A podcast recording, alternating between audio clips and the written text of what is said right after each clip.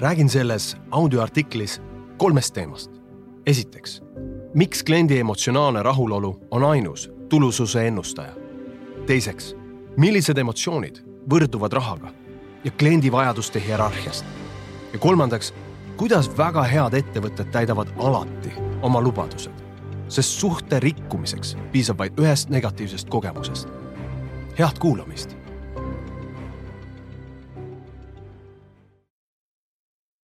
selle audioartikli esimeses osas, mis on leitav nimega Teenindus kui elamus, kliendi rahulolust üksi ei piisa. rääkisin, et enamik kliente ei osta konkreetse ettevõtte toodet, vaid lihtsalt toodet, mis talle meeldib. see on aga selle ettevõtte seisukohast äärmiselt ohtlik, sest parema pakkumise leidmisel on toote ja seega ka ettevõtte vahetamine kliendi jaoks lihtne. samuti rääkisin, et ratsionaalselt rahulolev klient ei ole kasumlikum rahulolematust kliendist. kuid võrreldes ratsionaalselt rahuloleva kliendiga on emotsionaalselt pühendunud kliendil ettevõtte jaoks kakskümmend kolm protsenti kõrgem väärtus, mis avaldub nii ostude mahus, kasumlikkuses, käibes kui ka kliendisuhete tugevuses. pühendunud kliente aitab aga juurde saada suurepärane teenindus. selles audioartiklis läheme pühendunud klientide teemaga oluliselt sügavamale kui vaadata kliendi emotsionaalse pühendumuse mõju spetsiifiliste valdkondade kaupa, siis muutub selle tähtsus veelgi ilmsemaks. emotsionaalselt pühendunud kliendid panganduses toodavad aastas kolmkümmend seitse protsenti suuremat tulu. toidupoe emotsionaalselt pühendunud kliendid külastavad poodi kakskümmend protsenti rohkem ja toovad poele ligi kaks korda suuremat tulu kaabeltelevisiooniteenust tarbivad pühendunud kliendid vaatavad telekat kaks korda rohkem ja pööravad kaks korda suurema tõenäosusega tähelepanu seal jooksvatele reklaamidele. pühendunud olmeelektroonika kliendid kulutavad poekülastusel kakskümmend üheksa protsenti rohkem. ja hotellikülalised, kes on emotsionaalselt pühendunud, kulutavad aastas nelikümmend kuus protsenti rohkem. kõik see puudutab ka business to business kliendi suhteid kuigi see audioartikkel ei ole business to business kliendi suhetest, siis soovin sellele siinkohas korraga tähelepanu pöörata. kasvav hulk B2B ehk siis business to business sektori äridest on keskendunud turuosa laiendamisele konkurentide ostmise kaudu, mida kutsutakse nii-öelda mergers and acquisitions ehk edaspidi MA, mida tõestas ka kahe tuhande viieteistkümnendal aastal globaalselt toimunud MA-de kõrgeim arv ajaloos kuid MEA on lahendus, millel on nii-öelda lagi ees. just seetõttu soovitavad Gallupi eksperdid keskenduda orgaanilisele kasvule, mis tähendab rohkema äri saamist olemasolevatelt klientidelt. selleks peavad aga ka business to business kliendid olema emotsionaalselt pühendunud. organisatsioonidel, mille business to business kliendid on emotsionaalselt pühendunud, on kuuskümmend kolm protsenti tugevam kliendilojaalsus viiskümmend viis protsenti suurem osa kliendi valdkonna spetsiifilisest kulueelarvest ja kolmkümmend kolm protsenti suurema tõenäosusega kliendi esmaeelistus tulevikus.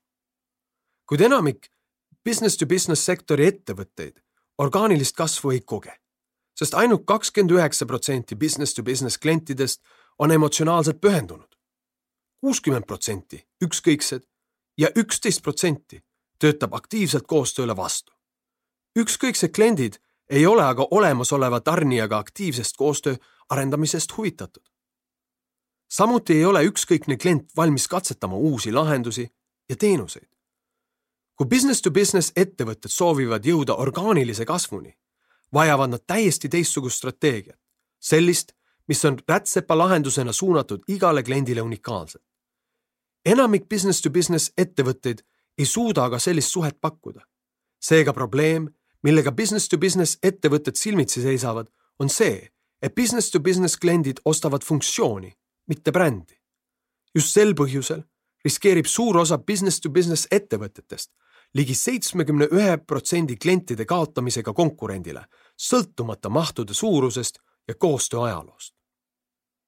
seega, millised emotsioonid võrduvad rahaga? Gallup alustas oma revolutsioonilist uurimustööd kliendi sisemaailma kaardistamisel aastal kaks tuhat ambitsioonika eesmärgiga teada saada, milline on kliendi emotsionaalset pühendumust mõjutav süvapsühholoogiline tagamaa. eesmärgiks oli välja arendada täpne ja universaalne tööriist, mis mõõdaks selgelt ja usaldusväärselt kliendi emotsioonide ja oluliste äritulemuste nagu ristmüük, kliendi lojaalsus, kulutuste maht, ostusagedus ja kasumlikkus vahelist seost.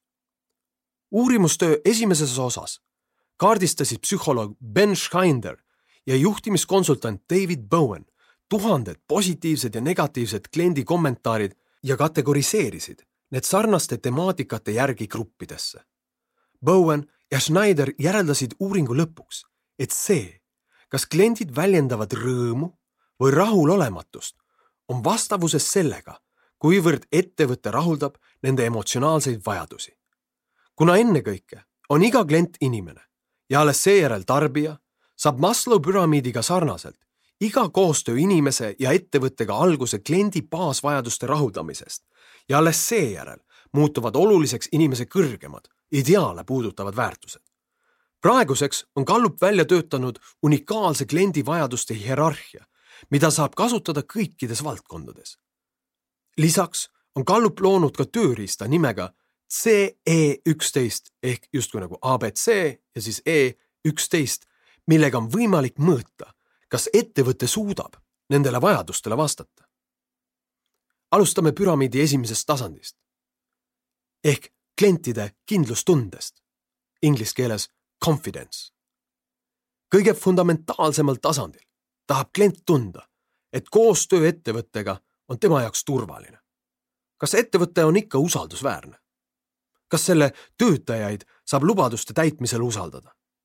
kindlustunde tekkimisele aitab kaasa see, kui klient tajub, et toote-teenuse pakkuja on korrapärane, järjepidev, stabiilne ja etteennustatav. kindlustunne on kliendile niivõrd oluline, et isegi kui tal on ettevõttega tuhat positiivset kontakti, siis suhte rikkumiseks piisab vaid ühest negatiivsest. väga head ettevõtted täidavad alati oma lubadused. alati on küll kõrge standard, kuid paraku on see just see, mida kliendid ootavad. mõnikord, tavaliselt või vahel ei ole piisavad. kliendi silmade läbi on kindlustunde aluseks fakt, et see, mida ettevõte lubab, seda ta ka teeb.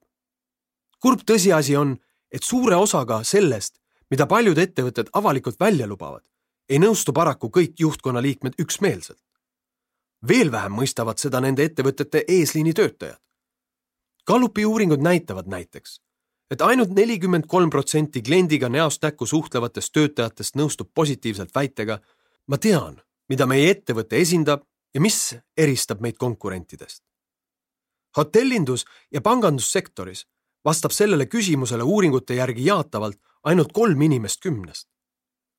Kõige murettekitavam on ilmselt aga see, et keskmiselt üks inimene neljateistkümnest, kelle igapäevatöö on klientide teenindus, ei oma absoluutselt mitte mingit aimdust, mida ettevõte esindab või mis eristab seda ettevõtet konkurentidest. isegi kui see statistika on häirivalt madal, peitub selle hea külg tõsiasjas, et pelgalt eesliini töötajate arusaama parandamisega ettevõtte väärtuspakkumisest on võimalik suurendada klientide pühendumust. Et luua kliendis kindlustunnet, peab juhtkond tegema kõik, et ettevõtte turundussõnum oleks sünkroonis toote ja teenusega, mida ettevõte päriselt pakub. lennufirma slogan Lenda sõbralikus taevas, fly the friendly skies tekitab kindlustunnet vaid juhul, kui lennupersonal on sõbralik igal minutil, mil klient päriselt koos nendega taevas viibib. Uurides rahvusvahelise hotelliketi lojaalsusprogrammi liikmete tõelist suhet hotelliga, leidis Gallup, et mitte ükski lojaalsusprogrammi liige, kes ütles, et oli lojaalsusprogrammist saanud vähem, kui ta liitudes lootis end saavat, ei tundnud end hotelli suhtes kindlana. õppetund on selge kui klient saab vähem, kui ta ootab, siis on väga vähe tõenäoline, et ta tunneb ettevõttega seoses end kindlalt. Gallupi poolt välja arendatud kliendi rahulolu küsimustik CE üksteist ehk siis Client Engagement Eleven mõõdab kindlustunnet järgmise kahe väitega. ma saan ettevõtet alati usaldada. ehk siis originaalis Brand is a name I can always trust. ja teine küsimus. ettevõte täidab alati oma lubadused. Brand always delivers on what they promise. Mida sinu kliendid nendele küsimustele vastaksid?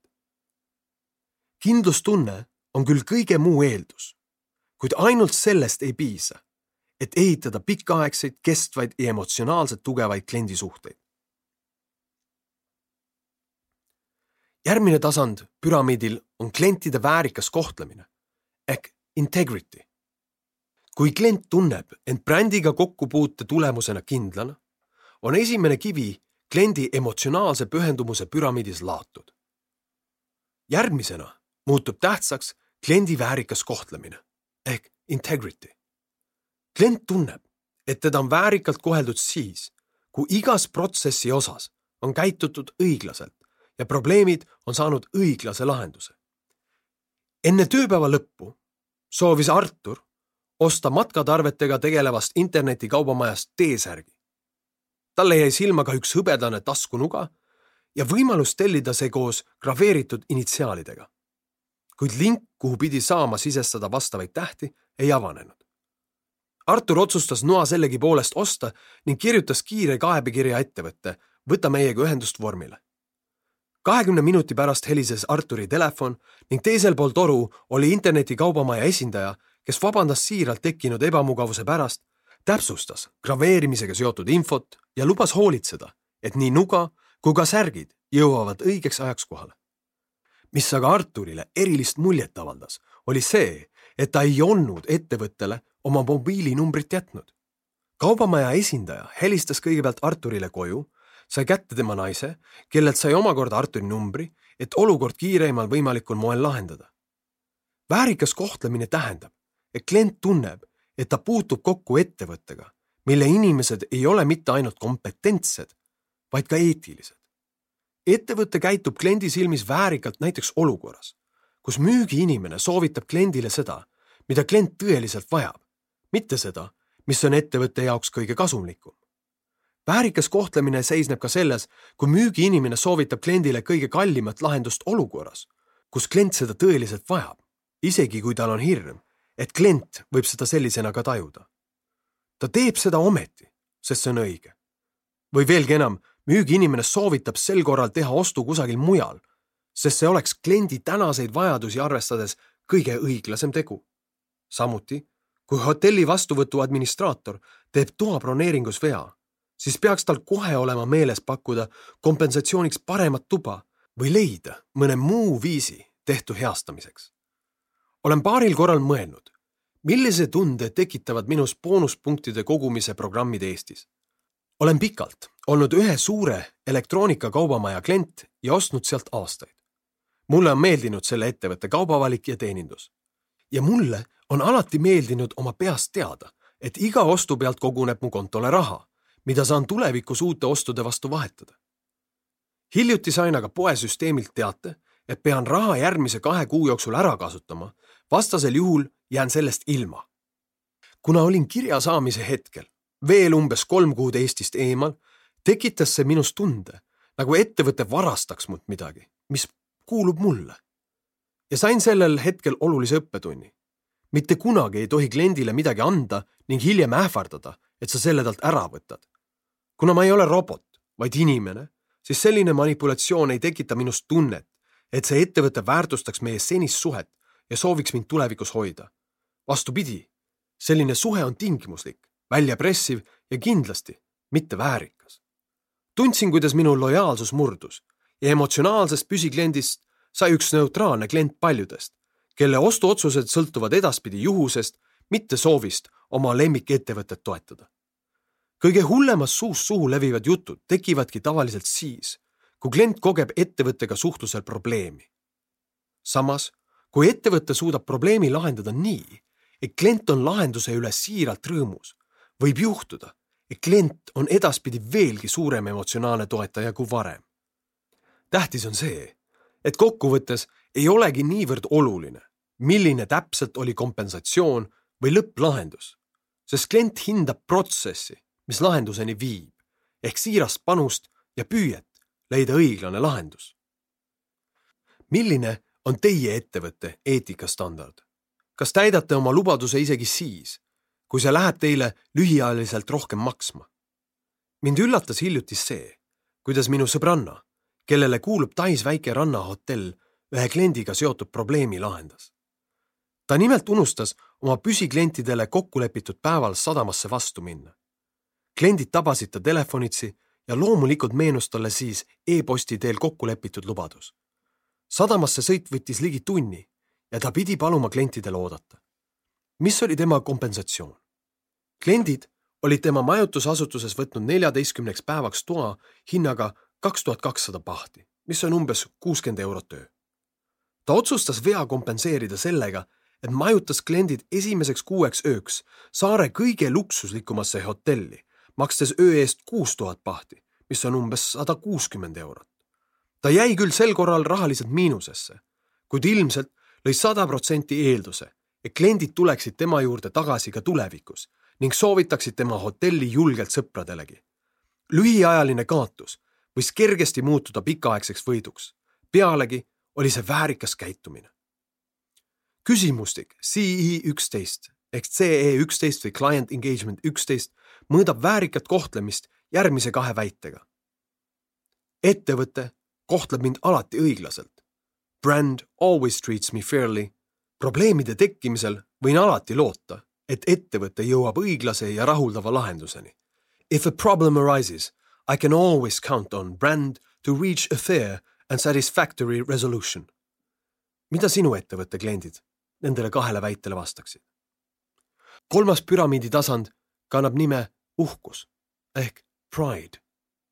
kui selline käitumine muutub kliendi silmis brändi lahutamatuks osaks, kui klient saab olla kindel, et ta saab alati usaldusväärse lahenduse ja teab, et keegi vastutab tagajärgede eest, kui see nii ei peaks olema, siis võib öelda, et ta tunneb uhkust end brändi kaudu identifitseerides. Gallup klassifitseerib uhkust kui tunnet, mis tekib siis, kui brändi esindajad kohtlevad klienti austusega ja kliendil on hea meel olla selle brändi lojaalne toetaja. iga inimene tahab tunda, et tema arvamus on tähtis ja hindab seda, kui teda nähakse kui unikaalset indiviidi, mitte lihtsalt numbrit Excelis või segmenti. siinkohas on kuulajal hea mõelda, kas ja kui palju on tema jaoks Eestis neid brände, mille õnnestumisele ta tahab heal meelel kaasa aidata sest nende brändide hea käekäik pakub talle isiklikku rahulolu. teenindus, toode, hind ja kõik muu, millega klient kokku puutub, peab moodustama terviku, mis eristab ettevõtet konkurentidest. kui tahta, et klient tunneks brändi üle uhkust, on oluline, et tema kogemus ettevõttest oleks ühtne. toode, teenus, pakend, teenindus, reklaam ja stilistika, asukoht, ja hinnastus peavad kõik moodustama terviku, mis aitab brändil klientide silmis konkurentidest eristuda. Bränd peab olema valmis valima ka positsiooni, kus ta sobib teatud inimestele, aga teistele võib-olla enam mitte. Galupi uuringud näitavad, et mida rohkem on kliente, kes tunnevad, et bränd on justkui nende sisemiste väärtuste esindaja, seda suurem mõju on sellel ettevõtte edule. sellele annavad kinnitust ka sotsiaalpsühholoogilised uuringud mis näitavad, et inimestele meeldib end seostada võitjatega. Arizona ülikooli professor Robert Cialdini ja kolleegid tegid katse, kus paigutasid ülikooli hoonetesse luurajad, kes lugesid esmaspäeviti vahetult pärast regulaarset ülikoolide vahelist jalgpallivõistlust, kui paljud tudengid kandsid kooli meeskonna logoga esemeid. nagu ütleb võitjatega assotsieerumise teooriagi, siis esmaspäevadel, millele oli eelnenud meeskonnavõit, oli ringi liikumas oluliselt rohkem meeskonna logodega tudengeid kui esmaspäevadel, millele oli eelnenud kaotus. riided, mida seljas kanname, toidupood, kus teeme sisseostud, hotell, kus otsustame ööbida, auto, millega sõidame. kõik need otsused näitavad meie kohta midagi. väga tihti on brändid, mida eelistame või ettevõtted, kust me sisseoste teeme, justkui peegliks sellele kuidas me alateadlikult iseennast defineerime või vähemalt sooviksime defineerida. Nad peegeldavad meie sotsiaalset staatust, mis meil hetkel on või vähemalt sooviksime, et oleks. inimene, kes teeb oma sisseostud säästumarketis, võib tunda, et see aitab tal ennast identifitseerida kokkuhoidliku, säästujõusse uskuva indiviidina. samas keegi teine teeb oma ostud Rimis, sest lisaks erinevatele keskkonnasõbralikele kampaaniatele ei müüda seal purjus inimestele alkoholi. Temale on see tegevus, mis esindab tervisele ja turvalisusele suunatud väärtuseid. mõni teeb oma ostud Stockmannis, sest talle meeldib teatav sotsiaalselt pisut ülevam kuvand elu helgemast poolest, mida Stockmanni toidupood tema silmis esindab. on vähe inimesi, kes tunnevad end piisavana juba sellisena, kes nad on.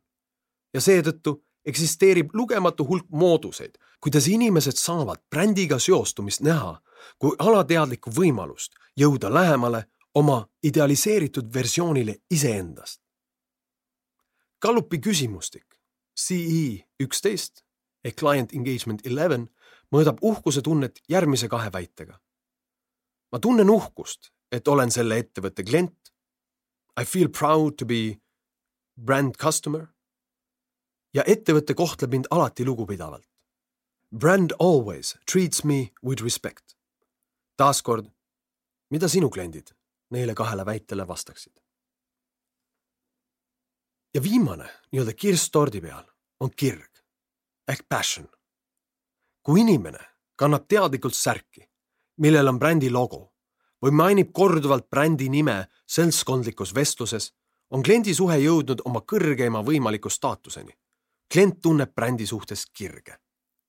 Need kliendid vastavad väidetele nagu tegemist on minusuguse inimese jaoks täiusliku brändiga ja maailm oleks ilma selle brändita halvem koht, kus elada maksimumhindega.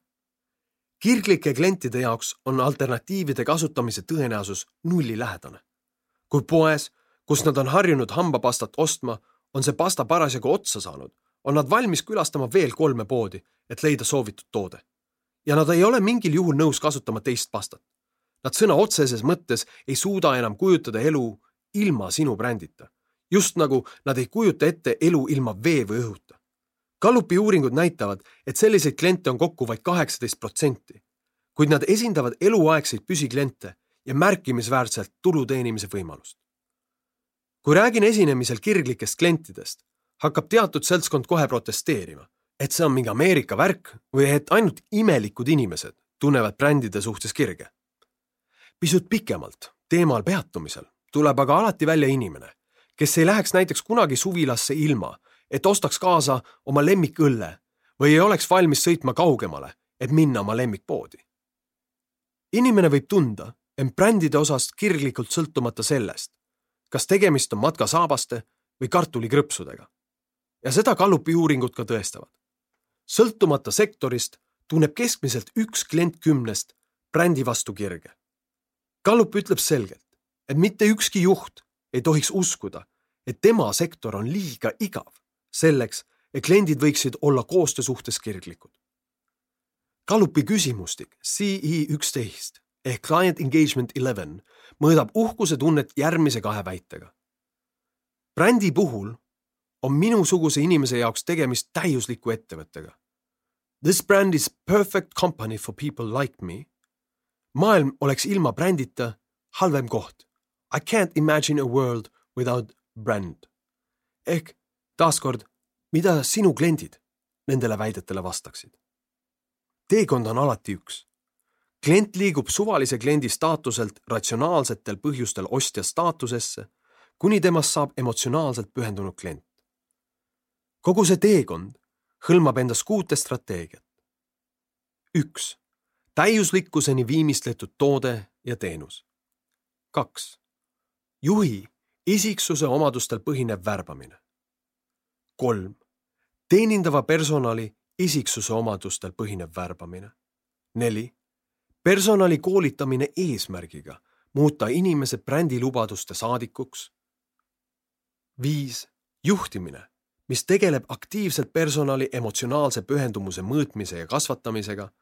ja kuus, probleemide kaardistamine eesmärgiga muuta tagasilöögid võimalusteks tugevdada kliendi suhteid. näiteks kui toidus on juuksekarv, siis milline on meie kokkulepitud lahendus? ühes Gallupi suurimaid kõnekeskuste operaatoreid puudutavas uuringus milles osales enam kui neli tuhat kuussada kõnekeskuste töötajat, leiti, et hoolimata kõige moodsamast tehnoloogiast, juurutatud protsessidest ja süsteemidest, mida kõnekeskuse töötajad kasutasid, sõltus lõppkokkuvõttes kliendi kogemus ainult telefonile vastanud kõnekeskuse töötaja emotsioonidest. selgus ka, et kõikide kõnekeskuste töötajate paremik, circa kümme protsenti, tagas keskmiselt positiivsete ja negatiivsete kliendikontaktide suhte kuus ühele. teisisõnu, pärast kõnesid tehtud küsitlustest selgust, et seitsmest kõnest, millele kõnekeskuse töötaja vastas, andis kuus klienti positiivse ja üks negatiivse tagasiside. veelgi enam, eksisteeris väike osa operaatoreid, kes said positiivse hinnangu igale kõnele, millele nad vastasid. seevastu tulemuste poolest madalaim kümme protsenti sai tagasisidena kolm neljale suhte, mis tähendab, et igale kolmele kliendile, kes hindasid selle operaatori kontakti positiivselt, eksisteeris neli klienti, kes pidasid kontakti negatiivseks. kõige vähem pühendunud operaatorid suutsid negatiivselt puudutada kõiki kliente, kes nendega rääkima sattusid. just sel põhjusel on kriitilise tähtsusega, et teenindusasutuste juhid mõõdaksid oma personali pühendumust ja looksid informeeritud tegevusplaani, millele tuginedes kliendisuhteid hoida.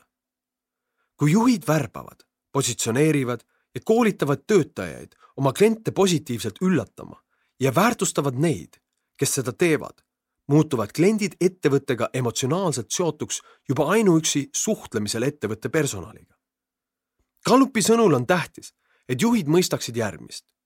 kliendi ja sisekliendi kogemust ei saa juhtida kui eraldiseisvaid nähtuseid, sest nad on omavahel otseselt seotud. see, kuidas tunneb ennast siseklient, mõjutab otseselt seda, kuidas tunneb ennast klient. enamikul ettevõtetest ei ole veel struktuuri, kus kliendi ja sisekliendi juhtimine toimuks ühes osakonnas. kuna sisekliendi ehk töötaja rahulolu on otseselt seotud lõppkliendilt teenitava tuluga, tuleb teenindaja kliendi rahulolusid mõõta ja juhtida tervikuna. kes vastutab teie ettevõttes kliendi rahulolu ja kes töötaja rahulolu eest? Gallup soovitab rangelt, et see vastutus kuuluks ühele inimesele. sellest, kuidas sellist juhtimissüsteemi täpsemalt üles ehitada, kirjutab põhjalikult raamat Human Sigma Managing the Employee Customer Encounter, mida inglise keele valdamisel soovitan kõikidele, keda selles artiklis olevad mõtted inspireerinud on. kui Gallup on uurinud, millist mõju omab ettevõtte majandustulemustele see, kui organisatsioon panustab võrdselt nii kliendi kui ka töötaja emotsionaalsesse pühendumusesse, siis tervik on suurem kui osade summa. Kui organisatsioon suudab edukalt muuta emotsionaalselt pühendunuks nii kliendid kui ka töötajad, kogeb ettevõte lausa kahesaja neljakümne protsendilist tulemuste kasvu võrreldes organisatsiooniga, kes ei tegele ei töötaja ega ka kliendi pühendumuse kasvatamisega. ettevõtted, mis panustavad ainult klienti või ainult personali, võidavad küll lühikeses perspektiivis kuid nad ei suuda tulemuste kasvu säilitada pikema aja vältel, sest see nõuab võrdset tööd nii kliendi kui ka töötaja emotsionaalse pühendumusega. kuid kliendi pühendumus ei sõltu sugugi ainult eesliinist. tagatuba on võrdselt oluline. minu kogemus näitab, et see on miski, mida väga paljudes ettevõtetes endiselt ei mõisteta. kokad ei adu, et see, kui hoolivalt või hoolimatult nad teenindajatega suhtlevad, mõjutab seda, millise näo ja reipusega teenindajad köögist väljuvad ja kuidas kliendid neid ja nende tehtud lisamüügisoovitusi tajuvad. tehnik ei mõista sagedasti, et tema sarkastiline ja ninatark suhtumine paneb telefonioperaatori kliendi silmis ebakompetentsesse positsiooni, mis omakorda tekitab kliendis kahtlust ettevõtte kompetentsuses. kui panga klient vajab abi ebaõnnestunud tehingu selgitamisel, siis sõltub selle soovi realiseerumine väga paljude inimeste koostööst. lisaks tellerile on protsessi kaasatud tehniline tugi, IT, raamatupidamine, kontori juhataja ja võimalik, et ka koristaja, kes sel päeval tööl on. seetõttu tajub klient panga ja ükskõik millise muu ettevõtte kvaliteeti selle kaudu, kui hästi selle ettevõtte inimesed omavahel koostööd teevad. ja seejuures on oluline roll juhil kui meeskonna komplekteerijal ja motiveerijal.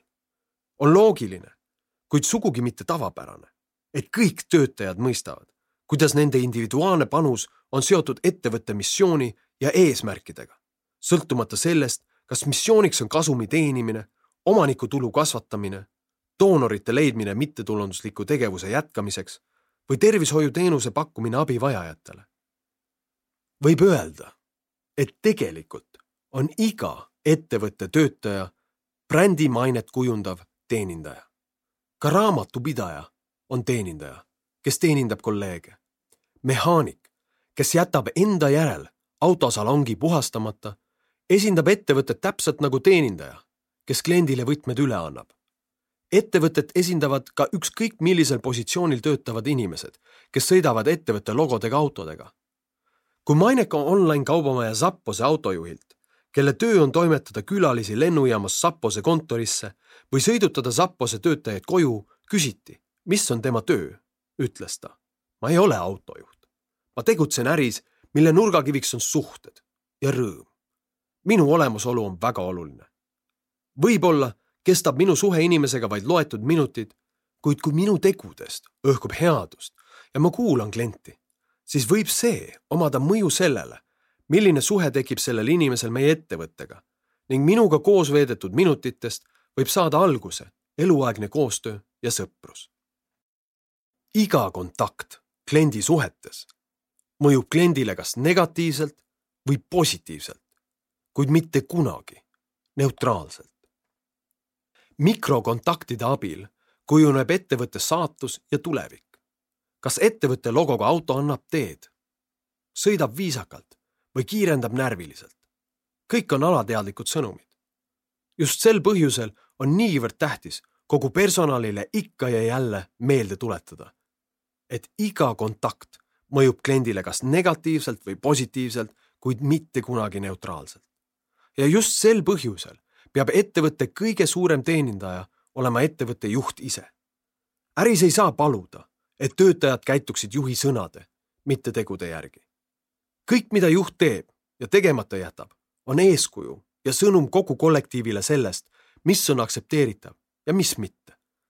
väga head juhid oskavad aidata absoluutselt igal meeskonnaliikmel mõista, kuidas tema roll on otseselt kliendiga seotud. iga otsene ja kaudne kontakt ettevõttega, väljastatav arve, interjöör, töötaja riietus, ukselink, tualettruum, kraanikauss, lõhn, heli, kiirus, ootejärjekord, kodulehe kujundus, tootematerjal, põranda puhtus, oma potentsiaali muuta klienti ettevõtte suhtes rohkem või vähem pühendunuks. juhid, kes seda mõistavad, panustavad pidevalt koolitustesse, mis suurendavad töötajate motiveeritust kliente emotsionaalselt puudutada ja võimendavad personali innovatsioonisuutlikkust ja produktiivsust. nõnda tekivad organisatsioonid, mille töötajad ei piirdu kaheksatunniste tööpäevadega, vaid kannavad saadikutena oma vaimsuse ja mõttelaadi edasi ka vestlustesse sõprade, pere ja naabritega ning väljendavad oma tunnet ka sotsiaalmeedias. kui rahulolevad kliendid ei ole ettevõtte jaoks sugugi kasumlikumad kui rahulolematud kliendid, peitub ettevõtte suurim konkurentsieelis oma klientide sügavaimate emotsionaalsete vajaduste rahuldamises koostöö ettevõttega peab olema inimese jaoks turvaline ja seetõttu täidavad väga head ettevõtted alati oma lubadused. kui protsessis tekivad vead, korvavad nad kahju kiiresti ja professionaalselt. Need brändid aitavad inimestel tunda end paremana ja viia neid lähemale nende unistuste visioonile iseendast ning oma elust. nagu ütleb Gallup, mitte ükski juht ei tohiks uskuda, et tema sektor on selleks kõigeks liiga igav. kui juht ühel päeval mõistab, et nii tema ise kui ka tema töötajad on ennekõike inimesed, mitte nende ametinimetus ja et kõik inimesed on suuresti juhitud oma emotsioonidest, võib juht korraks peatuda ja küsida võimalik, et oma karjääri kõige olulisema küsimuse. kuidas mina ennast täna inimesena tunnen? kuidas minu tunne mõjutab inimesi minu ümber ja seeläbi klientide tunnet, keda me teenindame? ning lõppkokkuvõttes tulu, mida me koos teenime jah, kliendi rahulolust üksi tõesti ei piisa. Kuid juhi naeratus on piisavalt head emotsiooni tootev algus, millest startida. kui sind need teemad köidavad ja sa tahad ka oma organisatsioonile rohkelt pühendunud kliente või siis pühendunud töötajaid, siis on sul suure tõenäosusega kasu minu sisekoolitustest tugevustele tuginev juhtimine, teekond täiuseni ja teenindajast talendiks. ma loodan siiralt, et selle audioartikli kuulamine oli sinu jaoks väärtuslik aeg ja kui see nii oli, siis kutsun sind ka kuulama minu täispikka audioraamatut Ratsionaalne emotsionaalsus, tugevad tulemused pehmetest tegudest, mille info ja lingi leiad minu kodulehelt alarojastu.com